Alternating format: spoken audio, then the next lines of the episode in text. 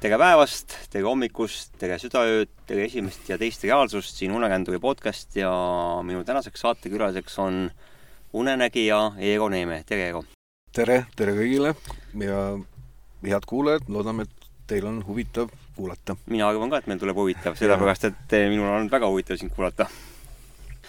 Eero, me saime sinuga tuttavaks väga kummalisel kombel.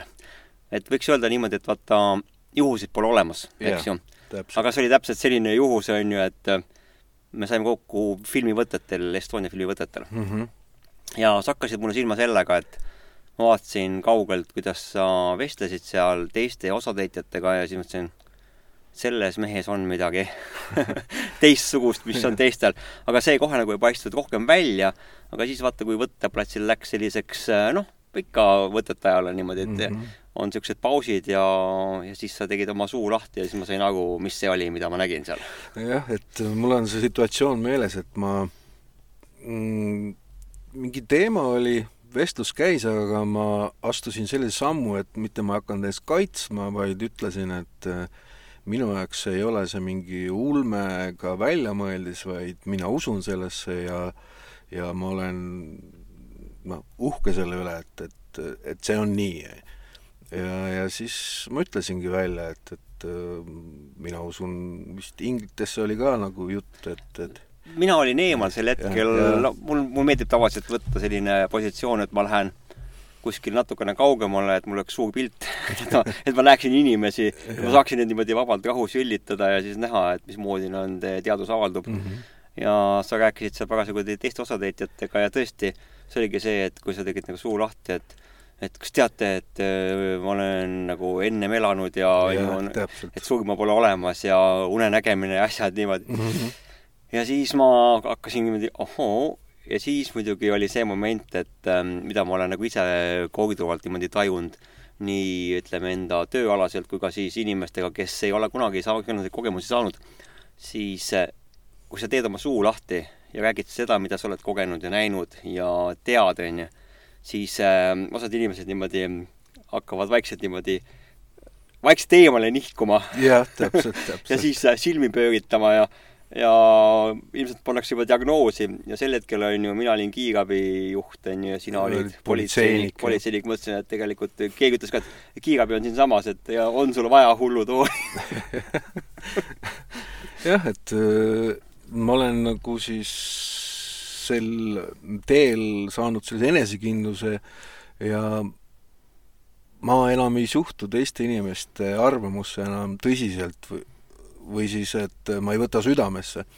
et selliseid äh, sündmusi või, või ka nii-öelda imesi ma jagan ainult oma lähedastega, kui ka noh, ka mitte kõik sellest, et aga kui on vaja nagu öelda midagi noh, tõsist, siis mul meeldib rääkida sellest sügavamalt inimestega, kes on ise sarnaseid kogemusi tundnud, et kuna ma ei ole ka suur äh, nii-öelda enda jagaja või, või suur suhtleja võõrastega, kuigi jah, et filmivõtetel saab palju suheldud, siis, siis jah. aga see oli väga hea, et sa selle suu lahti tegid, sellepärast et ma ütlengi, et et äh, kui sa inimestega noh, ei räägi, siis sa ei saagi seda teada, vaata, et kui palju on, võib peidus olla. ja sinu kogemused olid sellised, et kui me hakkasime seda omavahel seal siis jagama, üks ühe mälestus, teine teise mälestus, siis me saime aru, et meil on nagu väga palju sarnasust. nii, nii oli ja,. jah, jah. et jah, hea kuulaja, et äh, ma siis esitan Eegole kõik need tavalised küsimused, äh, mida ma olen juba tegelikult esitanud, aga just nimelt sellepärast, et teie saaksite ka aimu siis, kellega on tegemist ja äh, ütle mulle, Eego, kui vanalt sa mäletad ennast kõige esmakordselt selles elus siin praeguses? ütleme, selles praeguses elus ma mäletan ennast siis, kui ma olin kuskil aasta ja üksteist kuud. see oli siis sündmus, kus siis äh, ema viis mind nii-öelda siis võõrutuskuurile. millest äh,? kuna ma võtsin rinda kuni kaheksa noh, alla selle natukene kuu. ja meil käis külas vanaema, nähes nagu mind, et ma võtan rinda, ema ütles, et see on nii suur poiss, et tema tuleb äh, nüüd tuua, toob, toob enda juurde ja ja siis äh, võõrutab äh, rinnapiimast. ja see sai teoks ja siis ma mäletan väga täpselt seda, kuidas siis ma vanaemaga koos olles hakkasin siis äh, nii-öelda lapse keeles äh, jonnima, tegelikult see oli võitlus, vanaema oli minu jaoks nagu vaenlane, kelle, kes võttis mu dissi ära, onju. ja siis ma tõuklesin ja siis ma nutsin hästi kõvasti ja, ja selles nii-öelda selle rüselemise käigus ma kukkusin oma mm, alumise huule katki nagu korralikult. Noh. Et, et verd tuli korralikult, siis helistati emale, ema tuli kohale, kiirabi tuli kohale ja ja ma mäletan seda ka, et ta ütles, et ema ütles, et ma ei lase oma poe, poega nagu õmmelda huulest, et see teeb nagu ta noh, veel, veel, veel öö, koledamaks ja läbi nende sündmuste ja läbi selle huule katkisega olingi rinnapiimast vaba nagu. Ja see oli mu esimesi sündmusi, et ma mäletan emotsioone, ma kuulsin oma häält, see oli nagu reaalne, reaalne maailm. ka praegult mõtlen, on see. jah, ja kui sa nagu praegust tagantjärgi mõtled selle peale, et see oleks nagu eile olnud. jah, et mälestused on äh,, mälestused, mis on vähemalt minul on see kogemus, et mälestused on siin ja praegu, et see ei ole nagu kuidagi seotud sellega, et see on hästi taga või kaugel, vaid see on koos minuga. ja, ja ma olen saanud äh, nii kaugele ennast, et ma negatiivseid asju ei mäleta. kuigi jah, see on nagu negatiivne äh, sündmus mu nii-öelda siis äh, teadlikkusest kuid äh, see oli ikkagi lõppkokkuvõttes positiivne, see, see, selles vormus välja minu iseloom, sealt sai alguse armastus, suur armastus minu ja vanaema vahel, et vanaema nägi, et kus on ikka väike poiss, aga oih, vabandust, väike poiss, aga kus on sisu, kus on mm -hmm. nii-öelda sellist sihikindlust ja tahtmist. ja mälestused on, nüüd on nii, et, et et äh, halvad mälestused äh, mu aju nii-öelda treenimisel unustab ära ehk lükkab tahaplaanile ja positiivsed asjad jäävad meelde, et see annab mulle selle võimaluse, et ma elan positiivsemat elu, et äh, ei ole minevikus kinni nendes halbas, halbadest sündmustest ja valusatest hetkedest. eks meil kõigil on valusaid, halbu ja väga raskeid aegu olnud, et aga mida vähem seda mäletad, seda parem ja tervem elu sul siin ja praegu on. Mina olen tähele pannud seda iseenda pealt, hakkasin kõigepealt märkama, et unenägijatel on tavaliselt reeglina parem mälu, kes on nagu ütleme, loomulikud unenägijad, kes ei pea ise selleks midagi tegema, selleks, et olla unenägijad. mul oli laupäeval oli üks huvitav, oli kaks unenägemist järjest ja ühes unenägemises siis oli niimoodi, et ma hakkasin seal, astusin dialoogi siis nende teiste unenäo detailidega mm, -hmm. ütlesin, et ma olen unes praegust, onju mm. -hmm. ja siis üks detail ütleb mulle niimoodi, üks inimese kuju ütleb, et kas sa tead, mis vahe on äh, unenägijatel ja unesnägijatel mm. -hmm. et unenägijad on need, kes näevad und, no lihtsalt näevad und mm. -hmm. aga unesnägijad on need, kes näevad unes tõde mm -hmm. tegelikkust. ja mõtlesin, vau, ma pole selle peale varem mõelnudki, onju. Mhm. et sina oled nii unenägija kui unesnägija, onju, ja oled ka asju ette näinud ju. jah, et on tulnud ette, kusjuures on niimoodi, et äh, need unenägude nägemisega on niimoodi, et une, teadlik unenägemine ja, ja unemaailma võtmist reaalsusega äh, lõppes ühel, noh, lõppes, ma olin siis kuskil, ma võisin olla üheksa-aastane või kümnene. ma jäin bussis magama, sõitsin mööda õigest peatusest, mitu peatust. ja peale seda tekkis nagu hirm magamise eest. kuid minu esimene mälestus, kus ma ka mäletan seda oma esimest elu, mis oli väga reaalne võisin olla siis kuskil öö, viis, kuus või isegi neli, täpselt ei mäleta. kuid see on nagu siiamaani väga-väga nagu eredalt meeles, et öö, see oli siis Teise maailmasõja aegu, nii-öelda lahingusündmuses, ma olin saksa ohvitser kus me läksime siis tankide kõrvalt rünnakule. Ja kus oli veel niimoodi, et ma olin siis vee peal ehk siis rühma või jao ülem kuskil sellisel tasandil, sest et, et ma mäletan, kuidas ma käega nii-öelda näitasin, et lähme. Ja mul oli siis rinnal automaat, mis on siis äh, Saksa automaat, teisel vahel selle pika kone, kone. konega, jah, see on MP, ma ei tea, kas mhm, nelikümmend, nelikümmend, jah. ja kuna siis see vast-, meil oli rünnak ja toimus ka vasturünnak, aga kuna oli ettevalmistav selline mm, suurtükituli, et siis oli see äh, hästi palju nii-öelda siis seda tossu ja tolmu ja see keerutas üles, onju, ja siis me jooksime tankide kõrvalt. Mina näitasin nagu, et lähme peale ja siis mingi hetkel siis tulid, ma nägin, et tulevad siis vastu vaenlased, Punaarmee sõdurid. ja ma haarasin koheselt automaadis kinni, nähes seda vaenlast, ma keerasin selle automaadi siis selle poole, aga ennem ta jõudis äh, mind siis nii-öelda siis tag'iga sutsata kõhtu. No ütleme siis kolmnurka või natuke südame poole. ja ma mäletan ta nägu, ma mäletan ta silmi, need olid siuksed pruunid silmad, ta võis olla siis Aasia verd, midagi sellist, ja siis ma kukkusin maha ja ma hoidsin seda automaati peos. ja ma ärkasin, aga tegelikult äh, ma ei arvanud, et ma nägin seda unes väike poiss. ma arvasin, et see on päris ja kui ma nii-öelda siis äh, tulin siis sellesse praegusesse reaalsusse, et see unemaailm, unenägu oli ka mulle reaalsus, nii ma võtsingi seda. ja siis ma kukkusin rinnali ja siis tegin silmad lahti nii-öelda siis sellest äh, teisest reaalsusest ja mul olid käed padja all ja mul olid äh, käed täpselt niimoodi, nagu automaat oli käes olnud mm. -hmm. ma tahtsin seda kaasa võtta.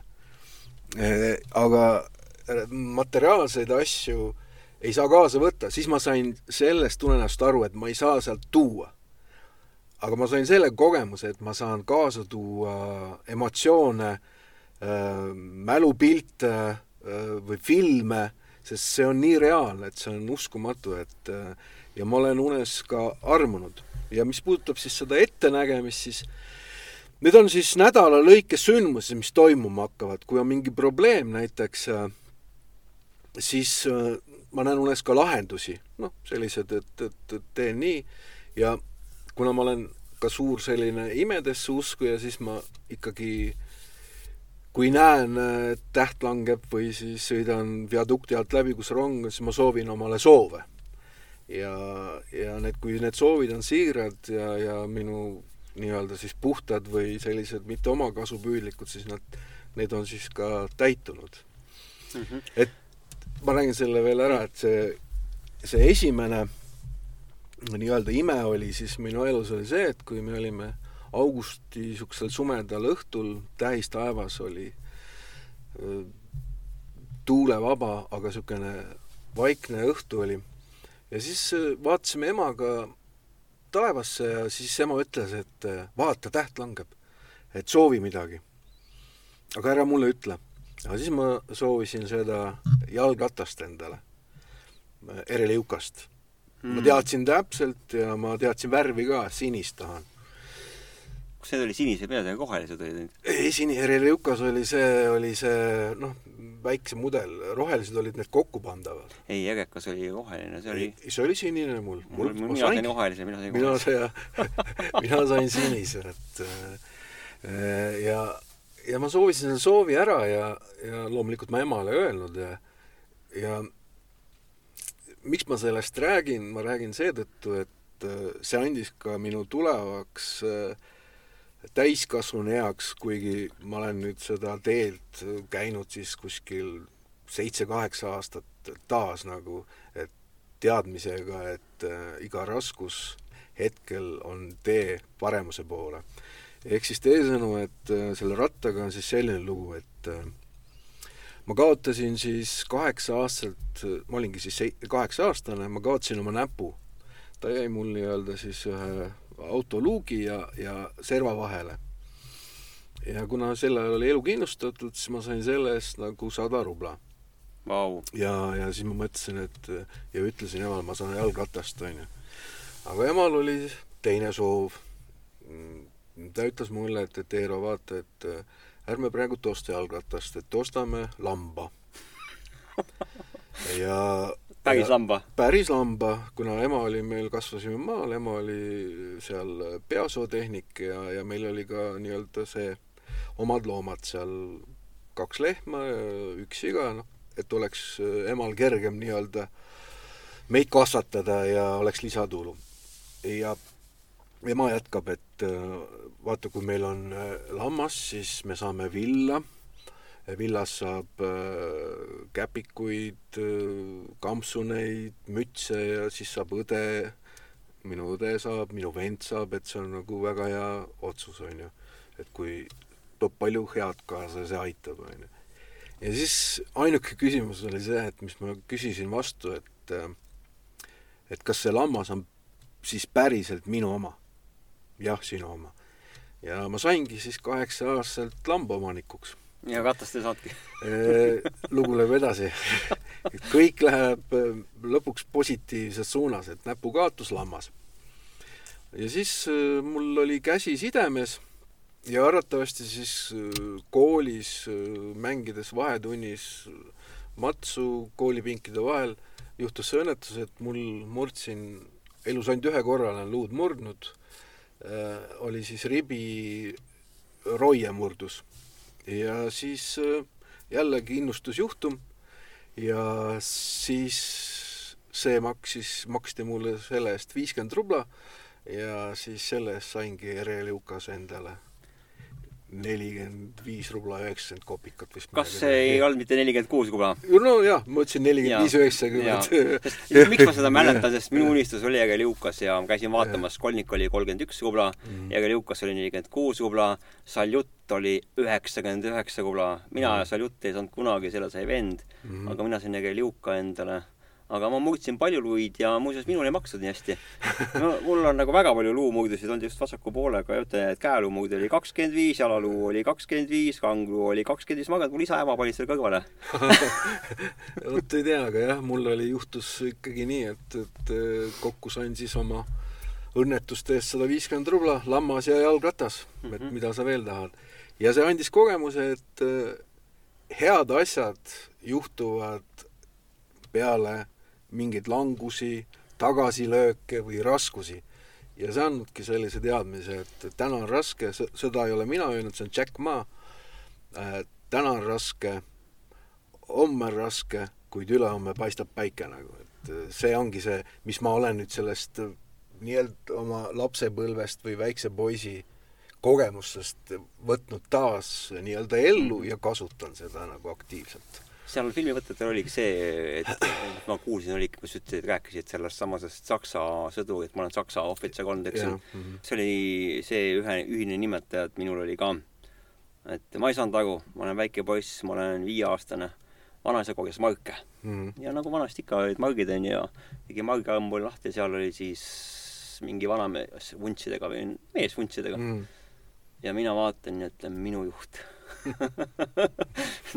noh, Nõukogude ühiskonnas, kas inimene sellist juttu rääkida ei saa, eks ju, aga mul oli seal teisi seikasid veel nagu, et, et kust ma lapsena ei saanud tegelikult teada asju, eh, mis, aga see tuli kaasa mm. -hmm. ja siis hiljem, kümneid-kümneid aastaid hiljem, kui ma hakkasin teadlikult minema siis tagasi enda eelmiste elude mälestusse läbi unenägemise, siis oli nii, et eh, ma sattusin siis eh, keset sündmuste sõjakeerist mm. -hmm. see toimus Dresdenis ja ma sain surma kiriku, kirik varises kokku pommitamises mm. -hmm. ja me seal olime, organiseerisime seal äh, inimesi ja niimoodi varju pommitamise eest mm. -hmm. et see oli selles mõttes niisugune mälestus, mis nagu tuli välja ja see moment, kui see surm, kui see, ma nägin, kuidas kõik läks aegluupi, kuidas mul need rusud peale hakkasid kukkuma ja siis tekkis, ma ütlesin, ei, ma ei ole ju siin, ma olen ju hoopis teises elus praegust, et see ei puutu asjasse.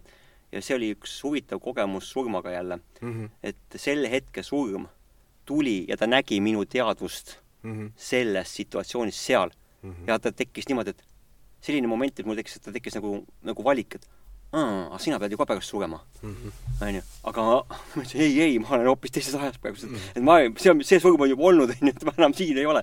ja samal hetkel tekkis auk sinna sellesse astraalreaalsusesse ja ma astusin sealt välja, tulin, vau, ja võtsin kaasa sealt hüüdtegisti ja mõtlesin, et ma saan selle kaasa võtta ja see tunne jäi mul pihku sisse yeah.. see jäi mul yeah. pihku sisse, ma ärkasin üles, mul see tunne oli käes sees.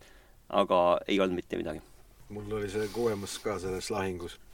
ja ma ennem nagu rääkisin seoses selle unenägemisega, et see teadlik unenägemine kadus. ma arvan, et unenägusid nägin ma edasi, aga see juhtus kaks tuhat viis, kus ma uuesti hakkasin lugema hästi palju. see oli nagu selline ärkamine minu jaoks, seda ma saan aru, sain hiljem, et see oli ärkamine kus ma hakkasin huvi tundma enam enda kohta, oma mõtete, oma kogemuse kohta, kuna mul oli ema, kes oli suur selline esoteerika ja, ja üldse sellise vaimse maailma suur fänn või ta uuris ja luges hästi palju, mäletan, see oli ka äh, kolmteist, neliteist, viisteist, kus äh, ma lugesin ise ka Kolmas silm ja niisugune ajakiri oli Paradoks nagu. maagiline maailm. ja maagiline maailm ja sellised mm. -hmm. ja siis ma hakkasingi sellel teel käima, hakkasin lugema, ma lugesin paralleelselt siis niisugust vaimset kirjandust, noh, šamanismist ja, ja esoteerikast. Ja samalaegselt kuna mul on olnud äh, noorest, noorest peale suur ajaloohuvi, äh, mis on seotud siis äh, sõjaajalooga, siis ma lugesin paralleelselt neid šamanisme, neid, sest see oli, see oli periood kaks tuhat kuus kuni, kaks tuhat viis kuni kaks tuhat seitse, kaheksa, kus ma lugesin väga palju raamatuid, mul elus oli see võimalik, mul oli aega palju, ma sain pühenduda sellele äh, Äh, ütleme sada protsenti nagu. ja siis hakkas see une nägemine muutuma teadlikumaks ja, ja siis suure hoo sai sisse sellega, et äh, mu õde ütles, et äh, me rääkisime seal unenägudest ja ja magamisest ja siis ütles, et Peruu indiaalastel, indiaalastel on selline mm, tradi-, mitte traditsioon, vaid indiaalastel on niimoodi, et see unemaailm on reaalne maailm ja reaalne maailm on unemaailm. ehk siis teisisõnu, et kui nad äh, lähevad magama, siis nende jaoks hakkab äh, tegelik elu peale ja kui ärkavad, siis on see nii-öelda meie mõistes tavamaailm. ja see oli nii huvitav ja põnev, siis ma hakkasin enam rohkem nagu siis uh, uurima, lugema. Ja kuna mul on olnud peale seda no lapsepõlves ka siis, kui ma olin lasteaias, ma ei maganud lõuna aega üldse, ma ei suutnud nagu magama jääda, ehk siis see une äh,, unetsükkel või, või see rutiin mul ei ole kunagi paigas olnud, nii palju kui ma mäletan, kas ma olen maganud vähe või korraga, aga mul ei ole niisugust äh, rutiinset, et äh, magamise äh, kommet või, või tava olnud. ja siis ma suutsin ennast viia nii kaugele peale neid kõiki rännakuid, kus ma tegin sama, šamanismi rännakuid üla ja, ja alla maailma ja ma olin sellest nii võlutud ja sisse võetud ja siis ma hakkasin magama kuskil kümme kuni neliteist tundi. Et läksid õhtul kell kaheksa magama ja? jaa, magasin ja, ja mul on tavaliselt see, et ma ärkan öösiti ikkagi üles ja, ja hakkab see noh, see rütm, et kuskil, et kolm tundi, kaks pool ärkan üles, nii nagu ma praegult magan. mis on võib-olla seotud ka sellega, et mu elu on nagu selline heas mõttes Ameerika mäed, et et homme tuleb mingi huvitav sündmus, väike filmivõte või reklaamvõte ja ma elan nagu elu täiega ja siis see kindlasti mõjutab mund, aga siis ma saavutasin selle, et kümme, neliteist tundi magasin ja ma saavutasin veel selle, et kui ma ärkasin ülesse, tegin päevatoimetused ära, ma olin nii suures, ma võin öelda heas mõttes nagu selles sees, et ma ootasin, millal ma saan magama minna. et ma jäin uuesti magama, ütleme õhtul magama, ja ma nägin seda und edasi, mis äh, oli hommikul lõppenud, et see oli nagu, ma saavutasin äh, sama taseme, mis siis äh, Peru indiaanlased. ja see oli väga, väga, väga põnev kogemus. mitut osad ma kogu aeg segan vahele, et, et mul enda, ma ise tean, et mul oli noorena samamoodi, et ma hakkasin lihtsalt vaatama, lõppes ära ja tahtsin järge näha. ja ma nägin niimoodi seeriate kaupa mm -hmm. ja mhm. läks edasi, läks edasi ja läks edasi. täpselt sama oli mul et see jätkus ja jätkus, ehk siis teisisõnu, nagu see oli Peruu indiaanlastel, et see oligi see maailm, kus ma elasin. see oli reaalne maailm. minu jaoks oli muutunud see reaalne maailm siis unemaailmaks nii-öelda. minul oli väga, siiamaani muuseas raskusi vahest sellega, et ma saan aru küll, ma annan endale aru, kus maailmas ma olen. aga sinna teise maailma, sinna teispoolsusesse, see aeg on seal niivõrd mahukas, ütleme, et seesamane kaheksa tundi meie maailmas, et ära oleks seal maailmas, ma olen elanud mitu täispikka elu. ja kõike seda, ja sa tuled sealt tagasi nende mälestustega, nende mäludega, mis on olnud, sa tuled siia tagasi ja siis ma olen alati esitanud endale küsimuse, et aga pagan, kes ma siis lõpuks olen mm, -hmm. eks ju. kas sul ka identiteedikriisi tekkinud sellega on? Et sa enam ei tea, kes sa oled, et kui sa käid ühes kohas, teises kohas, just nimelt oledki see unerändu, aga kes, kes teeb seda nagu, kelle jaoks need unes rändamised ei ole nagu lihtsalt unenäod, kus on nagu päris reaalsus sinu jaoks? Mm, mul niisugust identiteedi küsimust ei ole nagu otsest olnud, ma arvan, et ma ei, ei esitanud või ei osanud esitada niisugust küsimust, mulle see noorena see noh, see mõiste ise, et, et mina, kes ma olen, aga ma nii palju, kui ma ennast mäletan, siis ma olen tundnud kogu aeg, ka praegult, et see ei ole minu ajastu mm.. see ei ole minu ajastu. ometi sa oled siin? ma olen siin ja mina, ma rääkisin oma emast, noh, ma võin öelda, et ema oli see minu õpetaja või, või selline kaasa, kaasamõtlev ja mina mõtlesin temaga kaasa mm. -hmm. et tema nagu uuris või lasi uurida, et mul tuli välja, et mul on vana hing sees, et ma olen mitmeid-mitmeid elusid elanud siin maas, maal. ja aga see teadmine, tunne on olnud vahest nii tugev, kus ma tunnen nagu tohutut kurbust, on ju, kuigi mul on ema, vend, õde, vanaema, aga ma ikkagi tunnen igatsust kuhugi teise kohta. ehk hingeliselt, keha on mul siin, aga süda kuulub nagu kuhugi hing soovib ära minna. ma tean seda tunnet äh, äh. ma oma raamatus kirjutasin sellest päris pikalt ja laialt, et kes on seda lugenud, teab, et see ongi seesamane, ma nimetan seda nagu jõuga inimese needuseks. et sa mäletad, sa kannad endaga kaasas seda eludeülest äh, mälestusi, taaka, ja isegi kui sa ei ole sellest teadlik, su hinges on see sees mm. -hmm. sa tunned seda, on ju. see tuleb välja ja ma sain nagu nimelt sellest, et need eludeülesed mälestused tegelikult on sellised, et kui sa rändadki elust ellu, vahetad kehasid, jälle uus, jälle uus, jälle uus, on ju. aga see sina oled ju muutumatu mm. -hmm. see on muidugi, kõlab väga naljakalt, on ju, et kui ma nagu seda ütlen, ma selle iseenda peast nagu välja mõtlesin, et et äh, vaata, et inimestel tekib, on ju, elus tekib frustratsioon mm, on ju, mhm. siin elus, on ju, tekib maasendus bla,, blablabla, on ju, äh, stress, aga on olemas ka elutülene stress mm -hmm. korduvatest eludest ja see on niimoodi, et vahest sa tunned, et sa oled, kurat, sa oled üksinda siin maailmas mm.. ei ole mitte kedagi tegelikult, kellega sa saad jagada enda tõelisi mõtteid, enda tõelisi, ju neid arusaamisi, mõistmisi, on ju.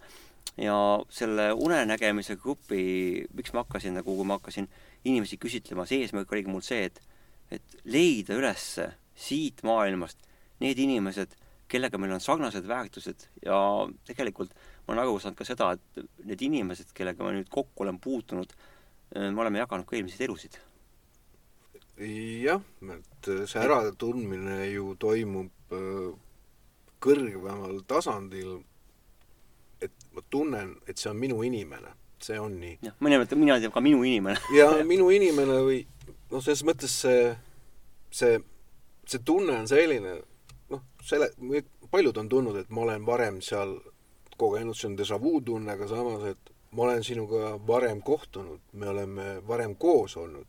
et ei ole seda tõrget või et võõras inimene nagu. eriti mina, kes äh, eriti võõrastega ma lapsepõlves üldse nagu ei soovinudki kokku saada ja võõrad inimesed olid minu jaoks nagu tabu.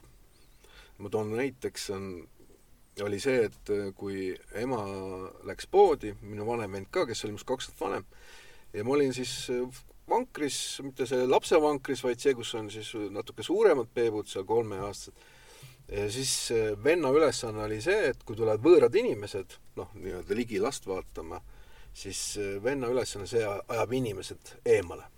et ei, et, et pole vaja, et äh, kardab, et et see on nagu huvitav, et need ini-, aga inimene ise, ise on mind alati huvitanud, ma olen meeldinud jälgida inimesi ja jõllitada, jõllitada.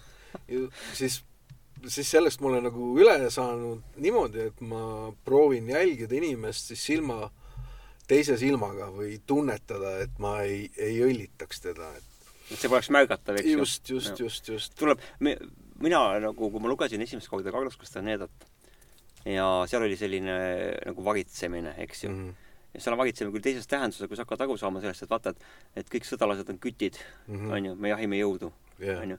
ja me küll praegust tänapäeval me ei käi siin kuskil vibu noolt oda ei ole, onju, aga sellegipoolest seesamane tegevus on jäänud mm. -hmm. ehk sa tegelikult käitud kui jõukütt, kes jälgib seda, et vaata, et et ma ei taha öelda, et sa nüüd, et mina vaatasin sind selle pilguga, et sa kui saakloom oled, mina mm -hmm. pigem vaatasin seda, et sa oled samasugune jahimees mm, -hmm. onju, ja sa tunnedki ära, et need, kes pole sinu inimesed, need ongi tegelikult äh, ma tean, see kõlab halvasti, ma ei peaks seda võib-olla ütlema, aga aga see, need pole minu sõnad, on ju, need on kirjutatud läbi Carlose ja läbi selle Tolteekide pärimuse mm. -hmm. ja seal ongi öeldud niimoodi, et on inimesed, kes on sõdalased ja on inimesed, kes on kotkatoit, eks ju. ja kahjuks see on niimoodi, eks ju. minu unenäoteaduse jaoks olid, olid jõuga inimesed, laenatud jõuga inimesed ja jõuta inimesed, ehk siis see kotkatoit nagu need jõuta inimesed. aga ja. see ei tähenda, et nad ei võiks kunagi saada ka jõuga inimesteks, on ju. ja mis puudutab nende nii-öelda siis oma inimestega, siis ma arvan, et näiteks mu vend oli see inimene, kellega ma eelmises elus olin koos olnud, andnud juhiseid. ja, ja sündisin nagu ütleme, oma nii-öelda minu, oma emale, ma arvan, kui õpetaja või, või toeks olija. sest äh, ikkagi, kui mul oli see, see tunne, juba lapsepõlves nagu ütlesin, et ma olen nagu võõras, et ma ei kuulu siia, et see pole minu ajastu noh, pole minu planeet näiteks, siis see, see seostus ka emaga, on ju. aga mul oli see võimalus, et ma õppisin ema rohkem tundma ja, ja paradoks on see, et, et ma õpin teda iga päev nüüd peale tema surma enam ja enam tundma ja mul tuleb aina suurem, suurem tänulikkus ja selline armastus tema suhtes. ja ma tunnen, et kui mu ema külastab mu unenägu, siis see on nagu meie noh, taasleidmine koos kasvamine, et see, see, see, see on minule, kui ma olen noh, saanud oma ema tagasi, selles mõttes, et see, see ema mõiste on siis, kuu-, kuulub sinna nii-öelda siis valguse hingekogusse nagu, et äh, selline tunne on. ja siis ma tahan jõuda sinna, kus ma selle unenägemisega jõudsin, kui ma rääkisin nendest Peru, Peru indiaalaste äh, elust. ja ma jõudsin nii kaugele, et see kogemus on mul väga-väga eredalt meeles, et ma nägin unes, et ma kõndisin, väga ilus park, olid seal kõrged puud, rohelised lehed, pikad puud, muru oli roheline ja siis selle tee, läks tee, see oli jalutustee, see on, nagu ikka parkides on. ja ma kõnnin ja mingil hetkel ma mõtlesin, et ma jooksen. aga tavaliselt enne seda oli see, et see unes jooksmine oli raskendatud. ma ei suutnud kiiresti joosta. aga selles unenäos ma jooksin, mõtlesin, et ma jooksen. ühesõnaga, ma olin, ma olin päriselt unenäos, ma olin see. aga see ei olnud nagu vaatamine nii-öelda kolmanda äh, noh, et nagu kaamerana, vaid see oli nagu, ma olin seal sees. ma ei näinud oma keha, ma nägin kõike ümbritsevast, et see olin mina ma teadsin, see olen mina, tegelikult ka. see tunne oli see nii ehe. ja siis mõtlesin, ma jooksen, ma panen veel kiirust, jooksin veel kiiresti, onju. ja siis ma nägin siukest, ma arvasin, alguses on päike, aga see valguse kogus oli ümmargune. kiired oli ja, ja ja ma nägin ja siis ma tundsin nagu sellist tõmmet, pigem see oli minu tõmme sinna, eks sealtpoolt tuli ka. ja siis mõtlesin, ma hüppan. ma hüppasin ja nii kui ma hüppasin, see oli nii kergendav tunne ja siis ma tundsin, kuidas praegult ma seletan selle lahti, et ma väljusin täielikult sada protsenti oma kehast. ja ma lendasin, hakkasin lendama selle valguse poole, kõik muutus helgeks, kirgas, see tunne, mis ma tundsin, see on kirjeldamatu, see oli, mind oli kõikjal. mind nagu ei olnud, aga ma olin ühine selle valguse, selle jõuga. mida ma lähemale ma lendasin, mida lähemale jõudsin, seda rohkem hajus kõik see muu maailm, ma hakkasin tundma ennast väga-väga-väga äh, hästi. ja siis mingil hetkel äh, kuulsin häält äh, ei, Eero, vara veel. Need olid need sõnad märkasin sellest reaalsust, ma tulin oma kehasse tagasi ja ma nutsin lahinal, ma nutsin väga-väga, mul oli suur kurbus ja ma nutsin sellepärast, et mind ei võetud vastu sinna. et pole, mul, me, vara veel pole minu aeg. kui vana sa olid siis? ma olin, see oli aasta kaks tuhat seitse. see oli kaks tuhat seitse. see oli siis selle äh, nii-öelda taasärkamine hakkas kaks tuhat viis, kaks tuhat kuus, kus ma lugesin need, neid erialast kirjandust, mis on seotud esoteerikaga ja ajaloo. ja ma nutsin ja see tunne oli väga-väga-väga valus, et ma nutsin ikkagi, ma mäletan seal see kahjutunne ikkagi oli see? see oli kurbuskahju, et mm -hmm. kuigi samas oli niisugune ähm, teadlikkus või see, et äh, mulle öeldi, et vara veel, et äh, et mul on veel, mul on veel siin midagi ees ootamas, et et minu õppetunnid on veel saamata, kuigi peale seda on olnud mul väga valusaid ja, ja suuri kaotusi oma elus olnud. ehk siis ma pidin õppima, neid kogema, et saada oma hingele kogemusi ja olla praeguses hetkes selline Eero, nagu ma olen niisugune tervik juba ja selline taas niisugune nagu poiss, kes äh, soovis, et äh, soovi, et äh, saaks jalgratta, kui see täht langes, et ma olen sealsamas tagasi ja mulle meeldib see. Ja... sa, sa, sa ei ole, sa ei ole kaotanud seda lapselikkuse ära? ei, ei ja eks see on nagu meie ühiskonnas ei ole see noh, austatud või seda noh, ei võeta hästi vastu. aga ma olen ikkagi seda, seda meelt ja, ja ma ja olen jätkuvalt ja mul meeldib väga palju olla üksinda, mõelda, lugeda, mis mind huvitab, vaadata neid filme ja ma võin öelda, et olen tänu sellele, et mul meeldib see üksi olek, andnud niisuguse täiusliku tunde, et ma tunnen ühtsust selle kogu maailmaga, kogu selle äh, energiaga, et äh, ma ei tunne ennast üksi olles üldse üksi. jah, varem ma seda kogesin ja, ja see oli valus. ja mis puudutab seda nüüd selle unes ärkamist ja siis seda nutmist, siis et see toimus nagu äratus. Toimus äratus, eks see oli ehmatav, et kuhu ma nüüd jõudsin, et, et mida ma saavutasin ma jagasin seda kogemust, mul oli siis äh, elukaaslane pikaajaline, kellega me kahjuks enam koos ei ole. ma ärkasin üles, nutsin, ta küsis, mis sa nägid, ma jagasin temaga seda kogemust. teistega ma ei jaganud, see oli minu jaoks väga selline üllatav ja, ja mõistetamatu sel hetkel. ja ma toimetasin edasi, aga siis ma läksin peale täiskasvanute gümnaasiumi, kui ma lõpetasin kaks tuhat seitse ja see kogemus jäigi sinna kevad kaks tuhat seitse sisse. Ja ma sain siis äh, ülikooli täiskasvanu tasuline koht Tar-, Tartu Ülikoolis psühholoogiat, läksin õppima ikkagi enda jaoks, mõistmaks seda ennast, äh, kõike toimuvat ja sellist, noh, huvi oli olemas inimeste vastu juba lapsepõlves, kuigi ma kartsin neid seal seal vankris, kui kui vend eemale ajas. ja, siis ma tegin endaga nagu lepingu, pakti, nagu selle Molotov-Ribbentropi pakt, jah.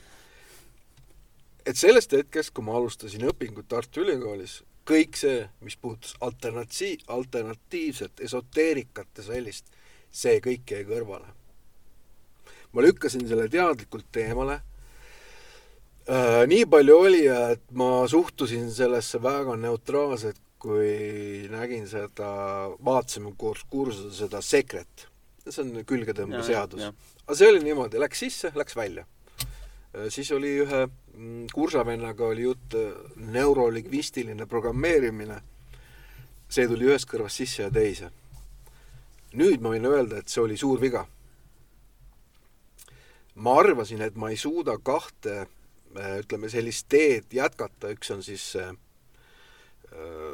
meie lääne ühiskonna, meil Eestis toimiv niisugune diskursus ehk siis selline suhtumine, teadmine kõik, mis no, meil on kõige suurem usk on teadususk. jaa, just.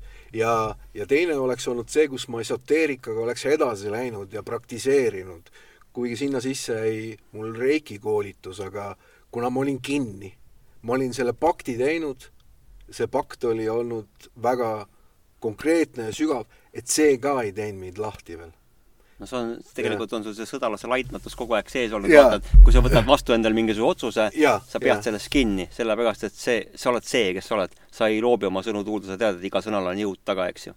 ja eks see päädis lõpuks sellega, et kuna mul tekkis äh, lõhe, side selle maailmaga, noh, ütleme siis, et see reaalne maailm noh, mis tegelikult on projektsioon enda mõtetes, me näeme seda, mida me tahame, ma olen seda meelt, et äh, me tõmbame ligi neid inimesi, mida me välja anname, evime, on ju, oma soove, saame öelda, need täituvad mitte kohe, aga hiljem. ja see, ja kadus ära selle oma hingekoduga, ma ütleks, see on see hingekodu, kus on kõik me koos, see energia. ja kadus see side ära, mis selle mõjul oli see, et ma muutusin väga primitiivseks, et äh, ma sõin, jõin, magasin. Maslowi põhivajaduste inimeseks. absoluutselt, ma muutusin äh, väga seda ja ma muutusin väga laisaks. ehk teisisõnu, ma, äh, ütleme maakeeli või siis maakeeli, oli suur masendus ja siis arsti käes öeldes mul tuli väga sügav depressioon. ma langesin ikkagi väga-väga sügavale et see oli ikkagi selline väga sügav must auk, mis tekitas mu hingele selliseid äh, piinu. ma ütleksin, see oli põrgu. ma põlesin, ma põlesin päriselt. või ma ja, ja see oli, see oli nii valus. ja see juhtus kaks tuhat kaksteist äh, sügis. no seal on need sündmused, mis ei seondu küll sellega, aga see avas selle põrgutee ja ma kõndisin seda põrguteed ütleme kaks tuhat viisteist kuni jah, kolm aastat. kui äh, ma raamatut kirjutasin, siis ma küsisin ülevalt unenägemises, et äh, kus on põrgu. ja siis teenise vastas mulle, et äh, põrgut sellisel kujul pole olemas, aga kõige suurem põrgu on teaduse jaoks teekond iseenda hinges. just, just. ja see oli nagu nii tabavalt ära mainitud, ma sain aru, et ahaa, et minus on ka olnud seesamane lahknevus, on ju, et vaata, et et me võime teha väljaspoole projektsioone, käia, näha välismaailma, käia nagu reisil, tulla tagasi, aga kui me teeme sissepoole, vot siis on see, et et meie hinges ei ole ainult armastus mm., meie hinges on kõike. kõike, see on see ja, ja, ja see on, teame, mille pärast see on niimoodi? ma ja. alguses mõtlesin algu-, et miks see, miks see niimoodi on, et vaata, et me, meie teadvus kustutatakse, mälu võetakse ära, on ju, mhm. ja sünnime uuesti. see on juba, see on meie enesekaitse sellepärast, et me ei tule selle eluga tihtipeale toime. milleks siis veel on ju seda eelmist elu või kast-, on ju. aga kui sa juba suudad selle eluga toime tulla, hakkavad väiksed avanema, ja siis ma avastasin selle, et vau, et minu hinges on igasuguseid asju. seal on ka tapmisi, seal on ka, on ju, sõdalase räpaseid tegusid, seal on ka nagu väga suuri ja üllaid tegusid, on ju.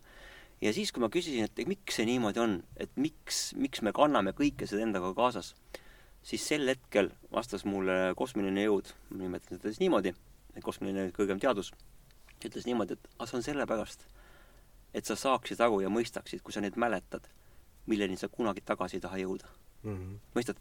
ja siis ma mõtlesin, et vau wow,, ma pole kunagi selle peale mõelnud, et, et mingisugune kogemus, hoolimata sellest, et ma seda ei mäleta, on minu sees just nimelt selleks, et ma tunnen, et ma lähen oma hingega vastuollu, kui ma seda teen. ja sellepärast ma seda ei tee mm. -hmm ja see oli nagu väga võimas mõistmine.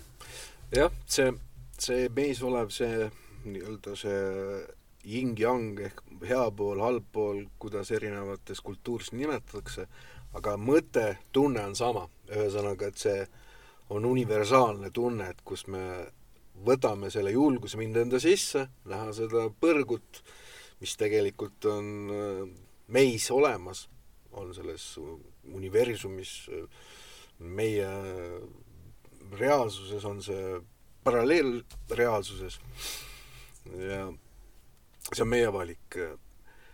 ja ma tahan nagu veel öelda lisaks, et kui oli see periood, see unematkad nagu Peru, Peru indiaanlane, siis ma lendasin ka väga palju. kõrgel, kaugel? kõrgel, kaugele.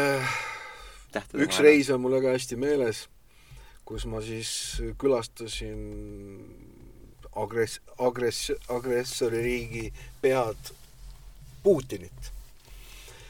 mul on see väga hästi meeles, me istusime siis tugitoolidel, need olid kuskil seitsmeteistkümnes, kahekümne sajandi toolid, need olid kuldsed puitnikerdatud toolid ja nad olid punased. ja meil olid seljas mustad ülikonnad ilma lipsuta ja valged särgid ja me vestlesime. ja öö, mulle ei meelde just nagu ne-, sellest dialoogist või vestlusest see, et ma küsisin, et äh, ütle, miks sa niimoodi teed, miks sa teed nii? et noh, miks? väga selge küsimus.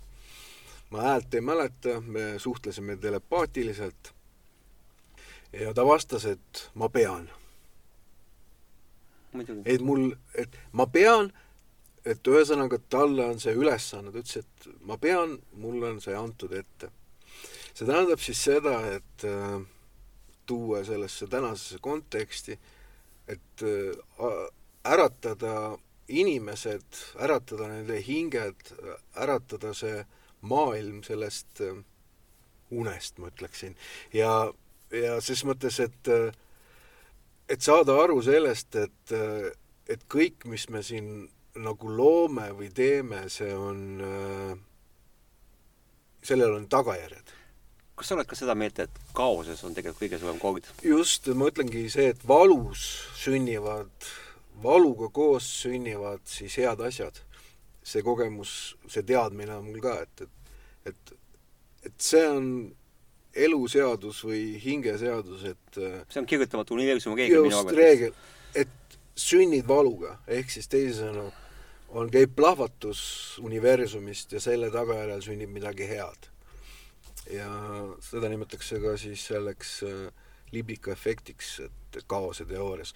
ja kaoses ongi see, et, et äh, kaose teoorias on see, et, et seal sünnib ikkagi seadusepärasus nii-öelda, ehk siis nimetatakse seda no, me isegi astronoomiast ja kvantfüüsikast ju teame seda, et kui käib mingi matakas väga supernova plahvatab, ja oletame, et selle päikse ümber olid seal elukõlbulikud planeedid, kõik hävineb ja sellest ainest, mis plahvatab, sellest kosmilisest gaasist ju vormuvad pärast hiljem teistes kohtades uus elu. jah, täpselt. et see ongi see, et selleks, et midagi saaks sündida, peab midagi surema. see on elureegel. see on elureegel ja see ongi see, et uh, sur-, surm on uue elu algus. et see ei ole lõpp. mis ma huvi, huvi pärast nagu, ma hakkasin mõtlema selle peale, kui ma sind kuulasin pärast ühte meie vestlust varasemat äh, vaata, sa oled oma, oma elus teinud jõupöördeid ise mm -hmm. ja elu on ka sinust jõupöördeid teinud. absoluutselt. eks aga sa olid ju väike poiss ja tegelikult sa ei peaks üldse rääkima. oli ju see või ei olnud? kas sul, oli, sul oli ju see teema, et sa, kas ja. sa otsustasid mitte rääkida või sa e ei saanud rääkida? jaa, hea, et sa seda meelde tuletasid, seda. et kui olid need, ütleme, ma soovisin midagi, siis ma ma emaga, kui ma rääkisin, see dialoog, mis oli seotud selle tähe langemisega, ma kuulasin, ma olin kuulaja rollis. ma ei küsinud üle, see oli, see oli kuulaja roll.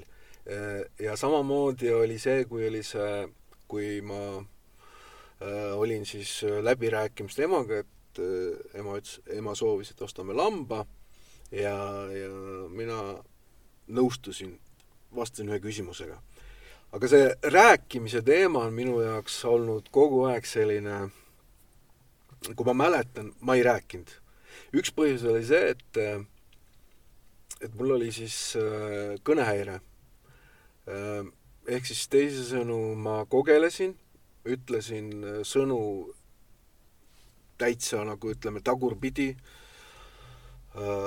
haamer oli raamen, rakett oli arkett, näiteks äh, ja siis äh, näiteks, et äh, põõsas, kees, mõmmi, kuuse, ma ütlesin üks, noh, ütleme mõmi, abits või midagi taolist, on ju, et mul oli see tänapäeva ehk siis selle elu keel oli mulle väga raskesti omast-, oma, omastatav. ja noh, toon niisuguse hea näite, et kui ma olin näiteks neljateistaastane, siis viisteist isegi, et et ma käisin arsti juures nii, et äh, ema oli kaasas. üks sul ja, ja ema nagu selgitas, mina nagu pelgasin neid ametiasutusi, see oli minu jaoks suur-suur nagu eneseületus, kui ma kuhugi läksin, et ma ma hoidusin eemal, et, et ju siis see oli enese, enese või oma hinge alahoidlikkus ja siis, kui ema rääkis sellele arstile, et äh, vaadake, tal on see, see, see, see viga, on ju, ja siis ta küsis, et äh, kas teie poeg ei räägi, on ju. räägib küll, aga teiega ei räägi. ja see nii-öelda mu vaikimise ajastu lõppes seal kuskil kuusteist, viisteist, seitseteist ja siis mäletan siis äh, noh, selle hilises täiskonna ema küsis, et Keero, miks sa ei rääkinud siis, on ju, et noh, ma ei taha küll öelda seda klišeed, on ju, siis ma ütlesin, aga mulle meeldis kuulata, ma õppisin sel ajal. mulle nii meeldis, kui emal käisid külas sõbrannad, ma võtsin oma väikse tooli, seljatoega, niisugune lasteaiatooli mm, -hmm. ja istusin ja ma kuulasin ja kuulasin ja kuulasin. et mul oli see põnev, et, et ma võisin äh, tunde vaadata taevasse, neid äh, pilvi, mõelda, mõtiskleda, kui ma rääkisin sellest une, unehäiretest või uneprobleemidest, mis minu jaoks ei ole probleem olnud, et kui lasteaias magasime, kui oli magamislõunauinak, siis ma olin üleval, kasvataja ainult ütles, et Eero, et meil oli kokkulepe, et äh, oled ilusti voodis pikali äh,, et, et ma teisi ei segaks, et, et mõtle häid mõtteid. ja ma mõtlesingi ja mõtlesingi ja siis eks siis selline eriline, eriline või teistmoodi Eero kasvaski välja, ma ütleks, ei kasvanud, vaid ma ütleksin veel täpsemalt, äh, ma olen mina ise.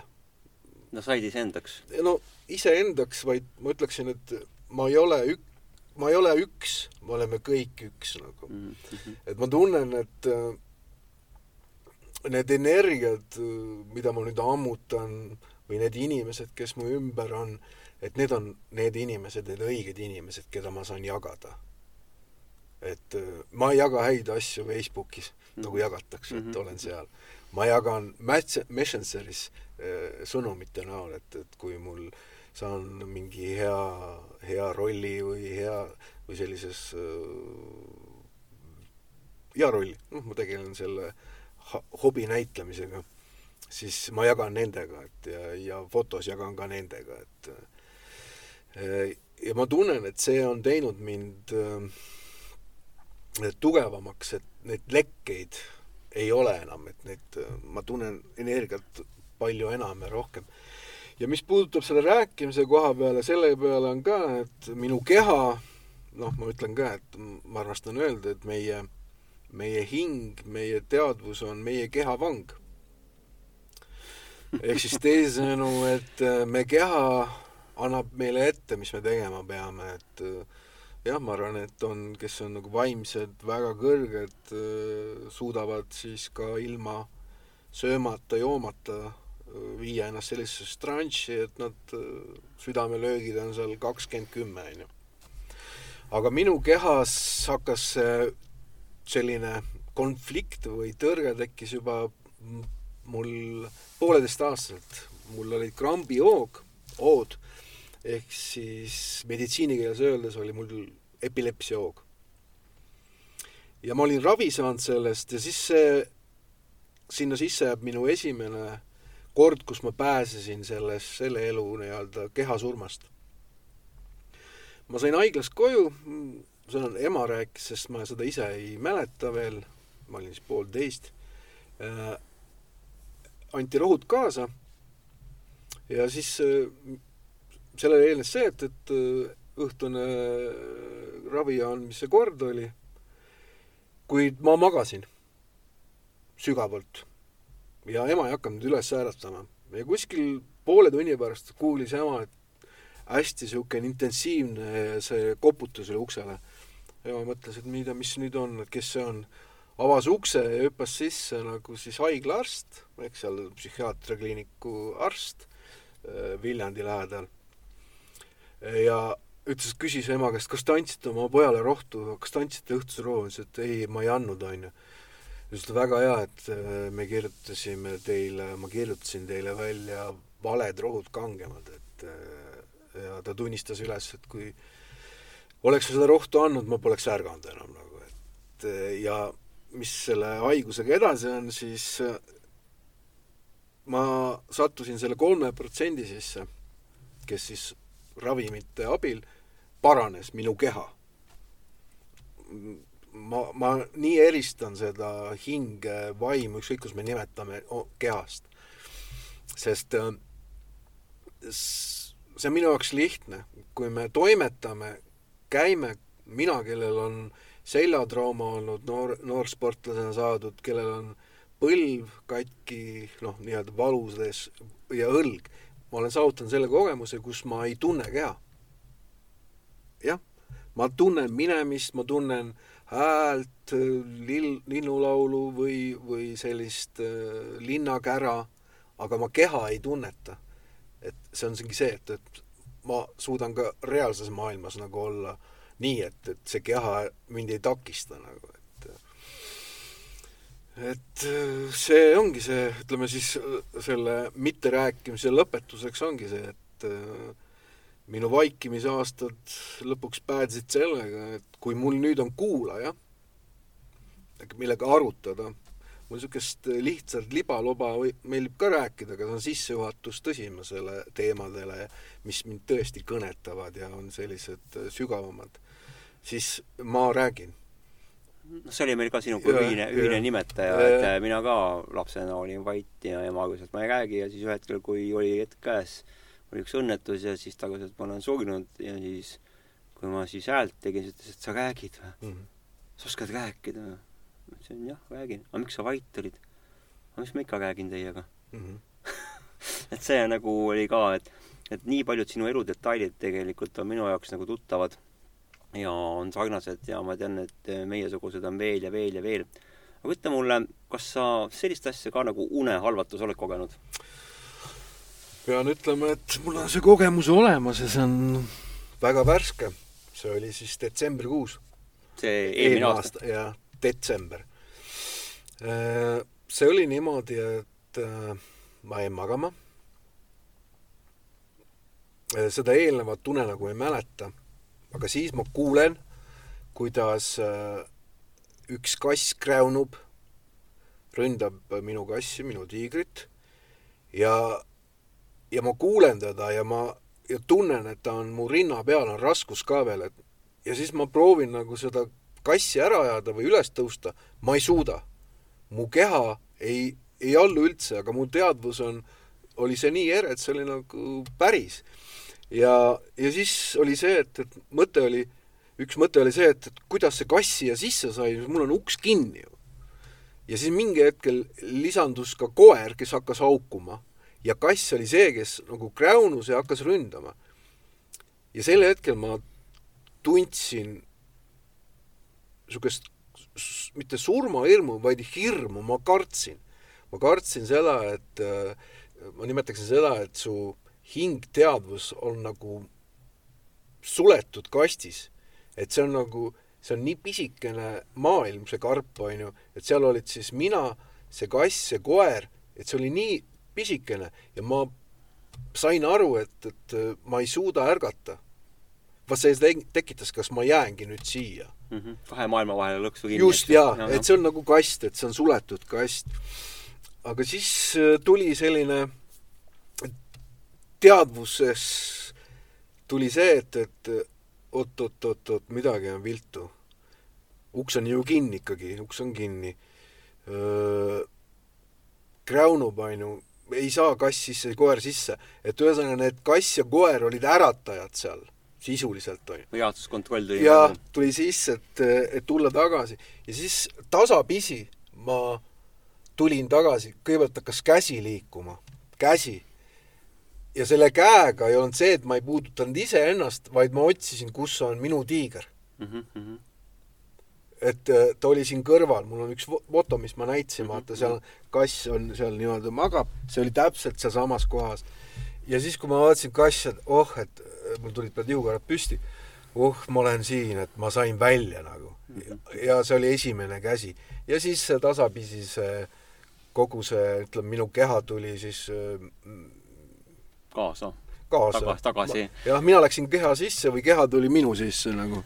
mulle meeldis ka nagu see, et mm, kui mina esimest korda sain, käisin unehalvatust, on ju, siis see unepagalüüsi või tegelikult on see siis astraalkeha, et teadvus on yeah., ei saa korralikult välja ja oledki täpselt nii, nagu üks kinni mm. -hmm. ja minust äratas veel selle momendi, ta äratas mul selle momendi äh, nagu ma oleksin kuskile mingisse torusse või tunnelisse kinni jäänud, et ma ei saa välja, see kast on tegelikult väga hea mõiste niimoodi, et no keha ongi nagu kast, on ju. Mhm. ja siis sa oled seal kahe maailma vahel. ja paanika tuleb peale, paanika tuleb peale, aga siis on nagu see ratsionaalne mõistus mm. -hmm. alati sekkus mul sel hetkel see teisseisja teadvus sekkus niimoodi rahu, rahu, hinga ja see tagasitulemine hakkas mul näpuotstest peale mm, -hmm. mis oli ka kummaline, vasakust käest reeglina ja mhm. kõigepealt ma tundsin näpuotsasid ja siis ma tundsin neid liigutada ja siis ma hakkasin juba liigutama, liigutama ja siis ma tundsin, kuidas see nagu lainena tuli mm -hmm. niimoodi käed, õlad, teine käsi ja jalad läksid alati kõige viimasena. jah, jalad läksid kõige, mul ka samamoodi. ja mis ma sellest nüüd õppisin, tegin analüüsi kiiresti, mitte kiiresti, vaid äh, ma mõtlesin selle, mõtlesin läbi, mis toimus ma rääkisin ka õega, no seal on see teaduslik seletus, on see paralüüs, noh, kus siis meie teadvus on nagu siis para-, paralüseeritud, et äh, me nagu magame, keha arvab, aga samas ei maga, et õegi on selline seletus mm. -hmm. et paralüüs. ja teine on see rahvatarkus jällegi, et see oli siis luupainaja. istub su hinna peal seal. just e ma kogesin seda sarnast ja on, see on, see on, see on raske tunne tegelikult, on ju, see ongi täpselt sinu kinnaga jaa, see on see, et see kast või see kuubik, see must kuubik, mille sees oleme, et see tõmbub kokku nagu. et äh, päris mit-, mitmes filmis on see kujund, kus olnud, kus see nii-öelda inimene jääb mingi ukse või, või selle vahele, surub kokku teda. no kas siis auto, no näiteks mul tuleb meelde kohe see kuuskümmend sekundit äh, varastatud kuuskümmend sekundit, Nicolas Cage, kus nad seal kuuskümmend noh, autos järenda ja siis tema vend samamoodi, et see tunne on sarnane, et sa oled nagu siis selle pressi all nagu. et see on selline, et noh, see hirm mul ei olnud, see oli noh, sa ütled ka paanikas, ütleksin ka seda, et see oli nagu tunne, et kas nüüd see ongi see, et ma sa, jään kasti. kas astraalmüra ka kuulsid samal ajal, oli mingit kolinat, mürinat? jaa, koer haukus ja, ja, ja tegelikult see koera polnud seal kuskil. ei, ei, ja siis kass njaugus, oli niisugune kevadise hinnaaja kassi hääl, mis oli tugev nagu ja ja ma, ja, ja samas minu kass nagu kaitses teda, ta oli ka hädas, on ju. et ühesõnaga, meil oli mõlemal see peal, ma arvan et see, ja siis ma õppisin sellest, et äh, selles kogemuses seda, et ma olen õigel teel. ja ma loomulikult lugesin ka seda vanarahva tarkust, et luupaine on see, et see kuri jõud ja tuleb ja, ja see, ja ma leidsin selle ja õppisin sellest, et äh, ma olen õigel teel, ma olen seda teed minemas, aga see jõud või see, noh, see jõud, noh, see on ju olemas kaks jõudu üks on see halb pool, no me rääkisime, mis on meie sees, et see surub, tahtis suruda mind äh, kasti tagasi. hirmu tagasi. see ei ole hirm, vaid kasti. ma ongi see piiratud. jaa, just. mulle ei, ei sobi ega noh, ei meeldi just selles järjekorras, ei sobi see kastis elus. ma olen nagu vaba hing, ma olengi vaba hing, sest ma leian, kõik hinged on vabad, kui nad teadvustavad oma kehale, et see hing sees, see on ju vaba. et mulle ei sobi sellised äh, kohustused, ma juba aastast kaks tuhat seitseteist ei käi niimoodi, et ma olen hommikul kell kaheksa tööle ja kell viis lõpetan, mulle ei sobi. et mulle meeldib nagu ise toimetada, omas tempos, äh, tunnetada ära, kas see on minu tee, minu südame hääle järgi mind, noh, et see südame hääl on see, et, et sa kuuled nagu häält või tõmmet, ma lähen sinnapoole nagu. vaata, sa enne ütlesid ka, et on ju, see hääl ütles sulle seda, et ei ole veel sinu aeg. kas see oli mehe või naise hääl? see hääl oli, ma ütleksin, see ei olnud ei mees ega naine. see ongi Andro Küün. jah, ma ütleksin selle kohta, et äh, meie hinged on ka ju sootud. jah, on. et see, et äh, hea näide on meie meie nii-öelda sellest füüsilisest maailmast on merihoobu, kes iseennast äh, siis äh, noh, järglased tuletab iseenda. ei, aga meie hinged pole mitte ainult sootud, vaid ja. meie hinged mahuvad tegelikult erinevatesse eluvormidesse. alates mudakookonist, lõpetades me ei tea, kellega me võime veel ette kujutada. sääsk või ja. miski muu. et selle kandi pealt nagu võttes see, et me samastame enda teadvust inimesena, mm. noh, paljudel unenägijatel, kellel on ka astraalkogemus ja kellel on siis unenägemises elanud teistes loomades, on ju, ma ise olen ka olnud, et nendel ongi just nimelt see asi, et sa saad aru, et sa mahud iga teaduse sisse ja kõikide loomade tegemised ja elu on elamist väärt ja ta pole sugugi halvem kui inimese oma. kuigi meie mõtleme, me tahame mõelda seda, et vaata, see on see meie, see meie egekoogide, egode maailm on niivõrd võimas, et see üritab nagu inimest kogu aeg tõsta niimoodi kõige kõrgemasse ahelasse, kõige kõrgemasse tippu. aga mina ütlen, kõik on tasakaalus mm., kõik on võrdsed omavahel. ja mis puudutab seda veel, seda mm, rääkimise teemat, ma tulen, hüppan korra tagasi sinna, et räägin lõpetus, siis sel ajal oli ka see, kus ma kasvasin siis vanaemaga koos viis aastat ja ma ei mäleta vanaema häält. ja mul on teadmine kogemus, et me suhtlesime telepaatiliselt, et see suhtlus oli, ma rääkisin vähe, aga see oli nagu telepaatiline. loomulikult ka oli ka sõnade vahe, rääkimist, aga ikkagi mul sel hetkel oli nii suur kogemus, et, et see teadmine, et inimesed suudavad telepaatiliselt suhelda, siis oli teadmine, et loomad oskavad rääkida, linnud rääkida. lihtsalt me ei oska nende keelt, ma arvan. ja, ja see oligi see, see, see on, ütleme, selle minu vaikimisajastu kõige eredamaid hetki, kus, mis, mis on andnud mulle kaasa selle teadmise, et, et inimesed suudavad suhelda olenemata distantsilt või siis äh, vahemaast. toon kaks kiiret näidet.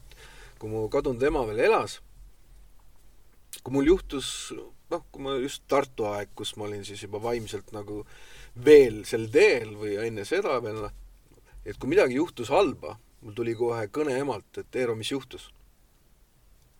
ta tunnetas väga jah, just. ja mul on õega niimoodi, et äh, kuna mul siis on see depressioon, kaasnes siis selle nii-öelda, minu nii-öelda siis selle vaimse poole nii-öelda allasurumisega, kus see see tuli esile, see hakkas esima, see Mõistus. primitiivne Maslow madalam rütm, on ju. mõistus tegi hingele liiga. jah, täpselt, kus ma, ma tõesti olin seal kastis sees nagu, ehk siis sama kastitunne oli siis, kui see oli see nii-öelda unekangastus või see kehakangastus, kus mu olin nii-öelda kehavangis, et, et see ja siis ka õde on nagu tunnetanud, kui mul on raskem aeg noh, see oli eelmise, värskemad, oli siis jõulude aeg, mul tõesti oli raske hingeliselt äh,, tulid meelde kõik, on ju, need äh, head hetked, igatsus tuli, on ju. noh, igatsus, et äh, ja siis on, tekib see teadmine, et kõik on hea, on möödas, on ju. ja siis tuleb õe kõne, et kuule, Eero, et mis sa teed, et äh, meil on siin kana ja kõik, et tule läbi, et äh, vaatame et koos telekat ja no ja niisama suhtleme, et ühesõnaga. ja siis ma käisin seal kolm päeva järjest nagu. aga see oligi äh, peale seda une para-, paralüüsi või see une nii-öelda luupaina, et see oligi, peale seda toimuski see nii-öelda siis see mm, -hmm. et see sellest äh, välja tulemine oligi see, et me arutasime õega seda kogemust ja õemehega, et ja noh, läht-, lähtusime sealt sellest siis rohkem siis sellist teaduslikku keelt, on ju, ja sellist äh, läänelikku. aga samas ma jäin selle noh, kaaval, noh, rääkisin sellest luupaina ja kogemusest ja, ja ja kui ere see oli nagu, et see oli ikkagi nagu päris elus nagu. mul on äh, see kogemus nagu väga mitmeid kogemusi olnud, et äh, mäletades nagu eelmise elusid, siis kohtunud inimestega siin maailmas, kellega sa oled tuhat aastat tagasi, kümme tuhat aastat tagasi koos olnud niimoodi, ja kui sa nagu näed neid väga niimoodi ja tunned neid niimoodi väga ja tead seda, on ju, see mälu nagu taastub, siis sa vaatad seda nagu see on selline nagu magus õnnetunne, mis tekib sisse sellepärast, et vau, ma ei ole nii kaua nagu seda tuttavat inimest või hinge kohanud, on ju. Mhm. et see on nagu nii hea tunne, mis tuleb sisse ja teine aspekt on selle juures veel, et vaata, need on need minu inimesed ja mitte minu inimesed. ma olen nagu tähele pannud seda, et vaata, nii nagu inimesel on mingid lemmikloomad tekivad mm -hmm. vot hingedel on ka nii, et tekivad öö, läbi elude ülesed lemmikhinged, kellega siis niimoodi eelistatakse aega veeta ja uuesti kohtuda ja kohtuda, kohtuda sellepärast, et öö, nad omavahel tõukavad ja annavad üksteisele, täiustavad mm -hmm. üksteist, on ju, ja aitavad edasi minna ja see ongi see, et, et tegelikult meie teekond ei ole üksildane me, me tahame seda, meie mõistus püüab meile seda dikteerida, et see on üksildane. aga kui sa tunned juba selle kõiksuse seda tund taga, nagu sa tundsid mm, -hmm. siis saad aru, et see on ainult see hetkeline, see maise vangis kesta tunne, et mm, -hmm. et nüüd ma olen siin üksi ja mul ei ole mitte kedagi teist, on ju, kellega koos on ju minna ja käia. ma tunnetan seda ühtsust nüüd noh, loodusega ehk siis meie ümbritsevaga, kõik elab. elav on ka kivi, me võtame seda siis, seda füüsika keeles on see, et aatomid või mm -hmm. materialism on ka ju energia.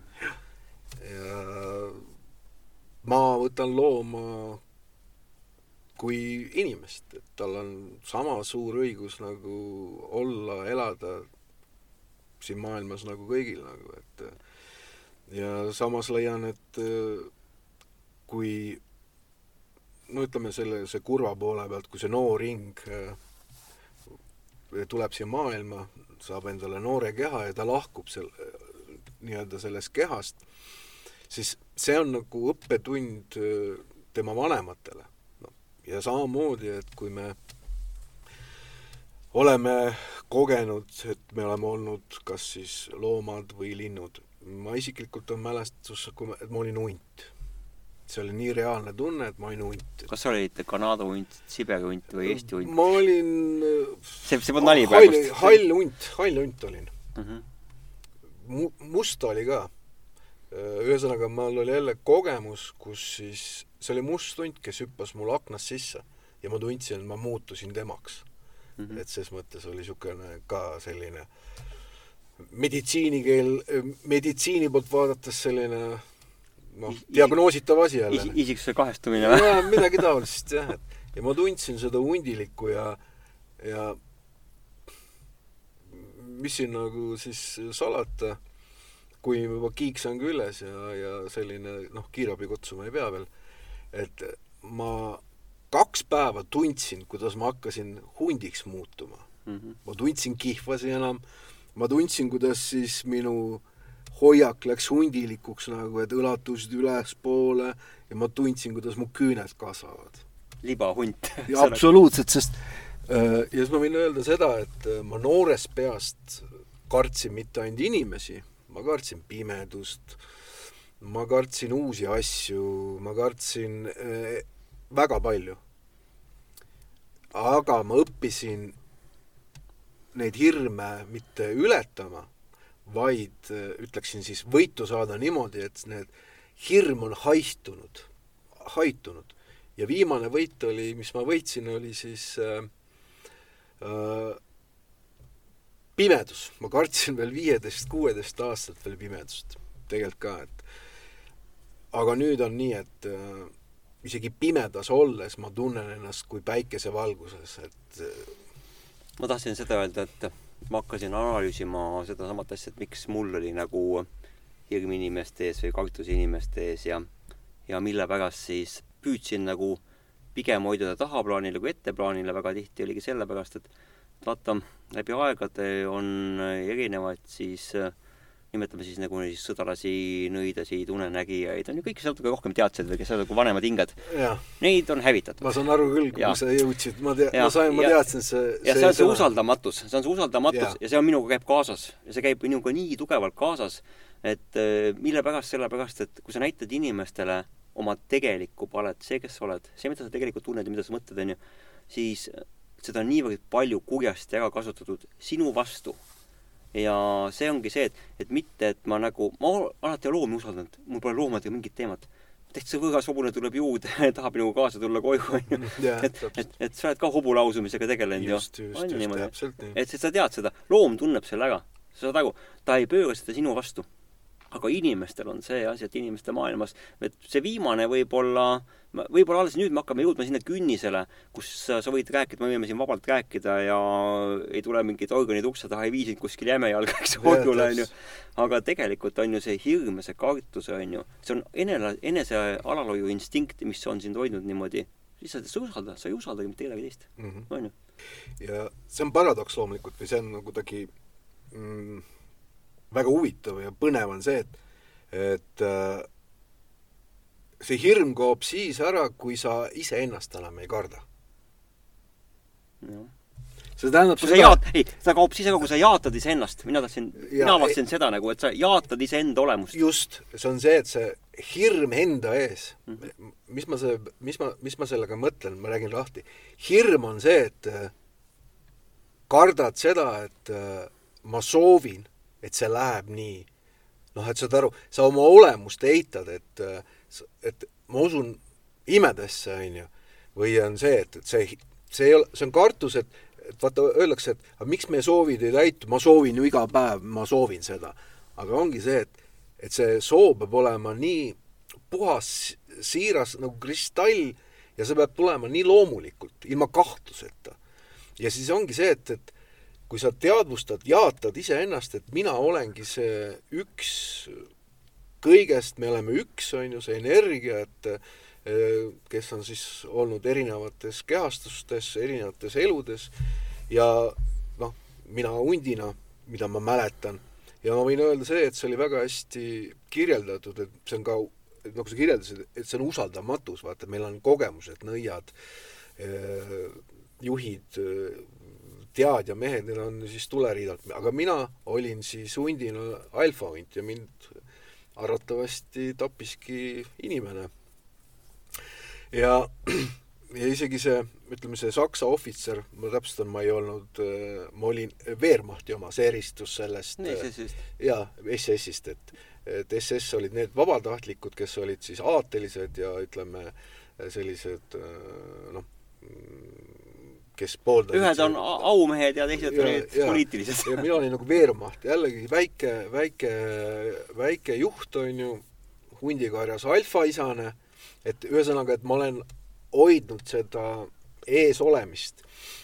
ja selle minu, ka mul on väga hästi meeles, on see, et, et lasteaias oli see, et ema ikka rääkis hiljem, et Eero, sa olid lasteaias nii tubli, et kui sa tuli mulle järele tulid, siis ta rääkis, kui ta tubli ja ma aitan teisi nii ja naa, onju. ja siis oli nii, et kui ma lasteaias olin, siis teised seal nutsid, ei osanud saapapaelu kinna, mina läksin ja siis ma lohutasin, jälle ma ei, ei rääkinud ju, aga ma lohutasin, aitasin ja, ja, ja kuidagi oma energia kohaloleku ma nüüd lohutasin, aga ise ma pärast läksin, ütleme, õhtul nuts, ma olin öises, noh, et esmaspäeval viidi ja reedel toodi lasteaias, et ise õhtul nutsin, igatsesin, onju. et, et, et need pisarad, selle valu, ma ei jaganud seda, vaid ma hoidsin endas mm. -hmm. ehk siis see oli väetis või, või vesi või kastmine minu kasvamisele mina ühel hetkel ei suutnud enam endas hoida, ma ja. käisin, jagasin seda puudega et, et, et ma ma võin öelda, et sealt kasvaski see püjään, kangekaelne, iseteadlik äh, autori, auto, autoritaarseid, autorikraatseid inimesi mitte kartev inimene. Äh, nüüd ma võin silma vaadata ükskõik mis äh, inimesele ja minu ees on ta alasti mm.. tema hing on alasti. ehk siis noh, see on see, et, et kuidas ma ütlengi, et ma kohtun inimesega, ta võib olla edumeelne, väga kõrge sotsiaalse staatusega, on ju, aga minu silmis me oleme nagu saunalaval alasti. aga sa oled ju seda kogenud samamoodi, et vaata, et, et äh, sinu inimesed ehk meie inimesed, on ju, ehk meiesugused inimesed, nimetame niimoodi, et äh, esimesest kohtumisest peale, esimesest sõnavahetusest peale sul ei ole mitte mingisugust hirmu. vaata sa, sa käitud, sa noh, kaugteeplantselt sõna otseses mõttes, eks ju mm. -hmm. ei ole mitte mingit tagasihoidlikkust, mitte midagi. ta on selline nagu seletamatu teadlikkus. ja ühte asja, mis ma tahan siia juurde tuua, et äh, ütleme, see, see vaikimisperiood, see aeg, see oli kasvamine see, ütleme, ka-, kasvasid või, või paranesid eelmiste elude valusates hetkedest.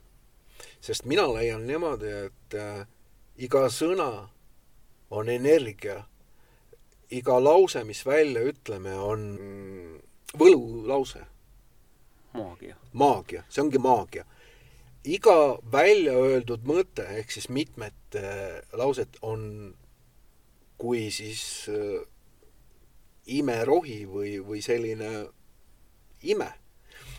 ja see tähendab, et ma tahan öelda seda, et kui ma jagan neid äh, oma kogemusi, ma annan sulle, noh, võtame näitlikult anuma, siin on ime. siis, siis mida nõrgem ma olen, no see enesejaotus väiksem või ebakindlam või see, siis ma annan tükikese välja mul on see kogemus, kui meil oli seal Uneallika talus oli siis väga-väga tore ja vahva see kogemus, siis peale seda kohtumist ma tundsin, et, et ma pean taastuma. et ma jagasin neid imepallikesi välja või see oli ilmselt esimest korda, kui sa tulid ja, ju tegelikult just, ju ja, ja, ava, enda, endasuguste hulka. absoluutselt, et kus ma tulin nagu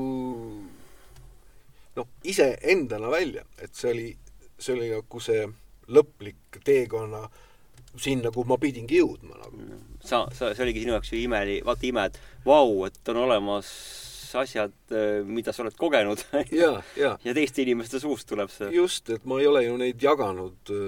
kui on jutuks tulnud, eks see vaikimisperiood on andnud siis hea kuulmisoskuse, analüüsioskuse, et ma kuulan, mitte ei kuule.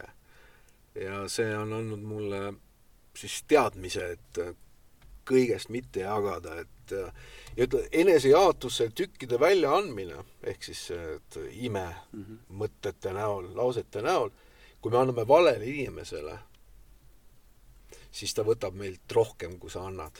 muidugi. jah, et ses mõttes ma olen, nagu me rääkisime, et on hea pool mees endas, universum, hea pool, siis tegelikult ka siin praeguses elus hinged, kes on nendes kehades, on ka siis need halvema poole peal. ta võib muutuda, inimese enda valik, teadlik valik on.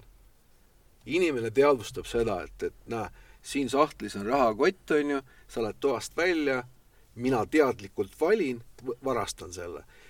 tähendab, sinu teadlik valik on olla ka, ütleme, seal kurjuse musta jõu või sellise evija ja nemad toituvadki sellest äh, no nendest pallidest ja see ongi see, et nagu sa rääkisid, see oma inimese tunne, et see, selle äratundmine või arusaamine on ka teekond olnud, ütleme siis viimase viie aastaga, mul isiklikult ka nagu.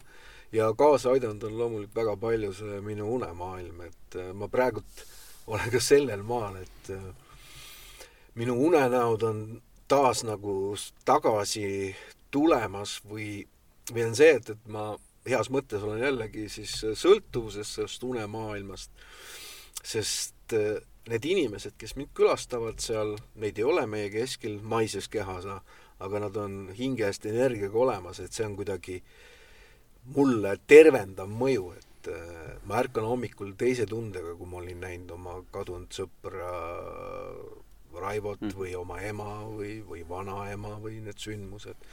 Ja nagu ma rääkisin, olen rääkinud ka, et see alasti olek on muutunud nagu noh, mis, mis siin meie, meie reaalses maailmas on see nudism, on ju, aga seal unemaailmas on see, et kus ma näed oma keha kõrvalt, kui sa oled alasti, ei ole sellist alastuse halba tunnet, et, et noh, ma ei tea, kui paljud on näinud seda unenägu, kus nad on rahva keskel ja siis nad vaatavad, neil pükse pole jalas, on ju. aga see on see, et, et ma olen seal alasti, et seal ma olen nagu ennast sinu, sinu ja, südamega hoostuseks võingi seda ja, öelda, et, et mida rohkem ma Äh, hakkasin nägema, et ma olen alasti tegelikult siis selle, seda rohkem ma mõistsin seda, et äh, seda enam on aeg olla mina ise. Mul ei ole vaja mingeid vidinaid ega kulinaid ega mingeid muid viideid, onju, ma olengi see, kes ma olen, onju. Aga tead, Eego, sinuga on nii põnev rääkida ja ma arvan, et me peame veel ühe saate sinuga tegema. Ja hea on ka tegelikult öelda, et täpselt nädala pärast, ei nädala vähem kui nädala pärast, laupäeval ongi Uneallikal järgmine siis unerändurite Uneversum ja me saame seal kokku inimestega ja alati on oodatud äh, kõik need, kes tahavad tulla, kes tahavad rääkida, kuulda ja alati on hea meel sind ka näha. ka tänan omalt poolt eelkõige sind, Leonard, et äh, sa kutsusid sellesse podcasti või moodsas, moodsas keeles podcasti saatesse, et see on väga võimas kogemus jällegi, et äh, see meeldetuletamine ja ja selle taaskogemine, et kui ma räägin, siis ma lähen sinna sisse. ma tunnen seda, ma tunnen ennast äh, selle hundina, ma tunnen sõdurina, kuigi me ei jõudnud, kui ma ristirüütel olin näiteks ja, et aga me jõuame rääkida sellest, sest vaata, ma tean, jutte on ju tegelikult niivõrd palju ja ma tahaks äh, selle teekonna, mis ma ise olen läbi teinud ja need inimesed, kes on need kaaskäijad ja kellel ei ole sugugi vähem imelised teekonnad, tahan ka selle digipildis siia maailma maha jätta ja see ongi selle eesmärk, miks me seda teeme. ja mulle meeldib see, mulle meeldib see, mida me teeme ja ütlen sulle unenägemisteni. unenägemisteni, kõike head! kõike head, aitäh sulle!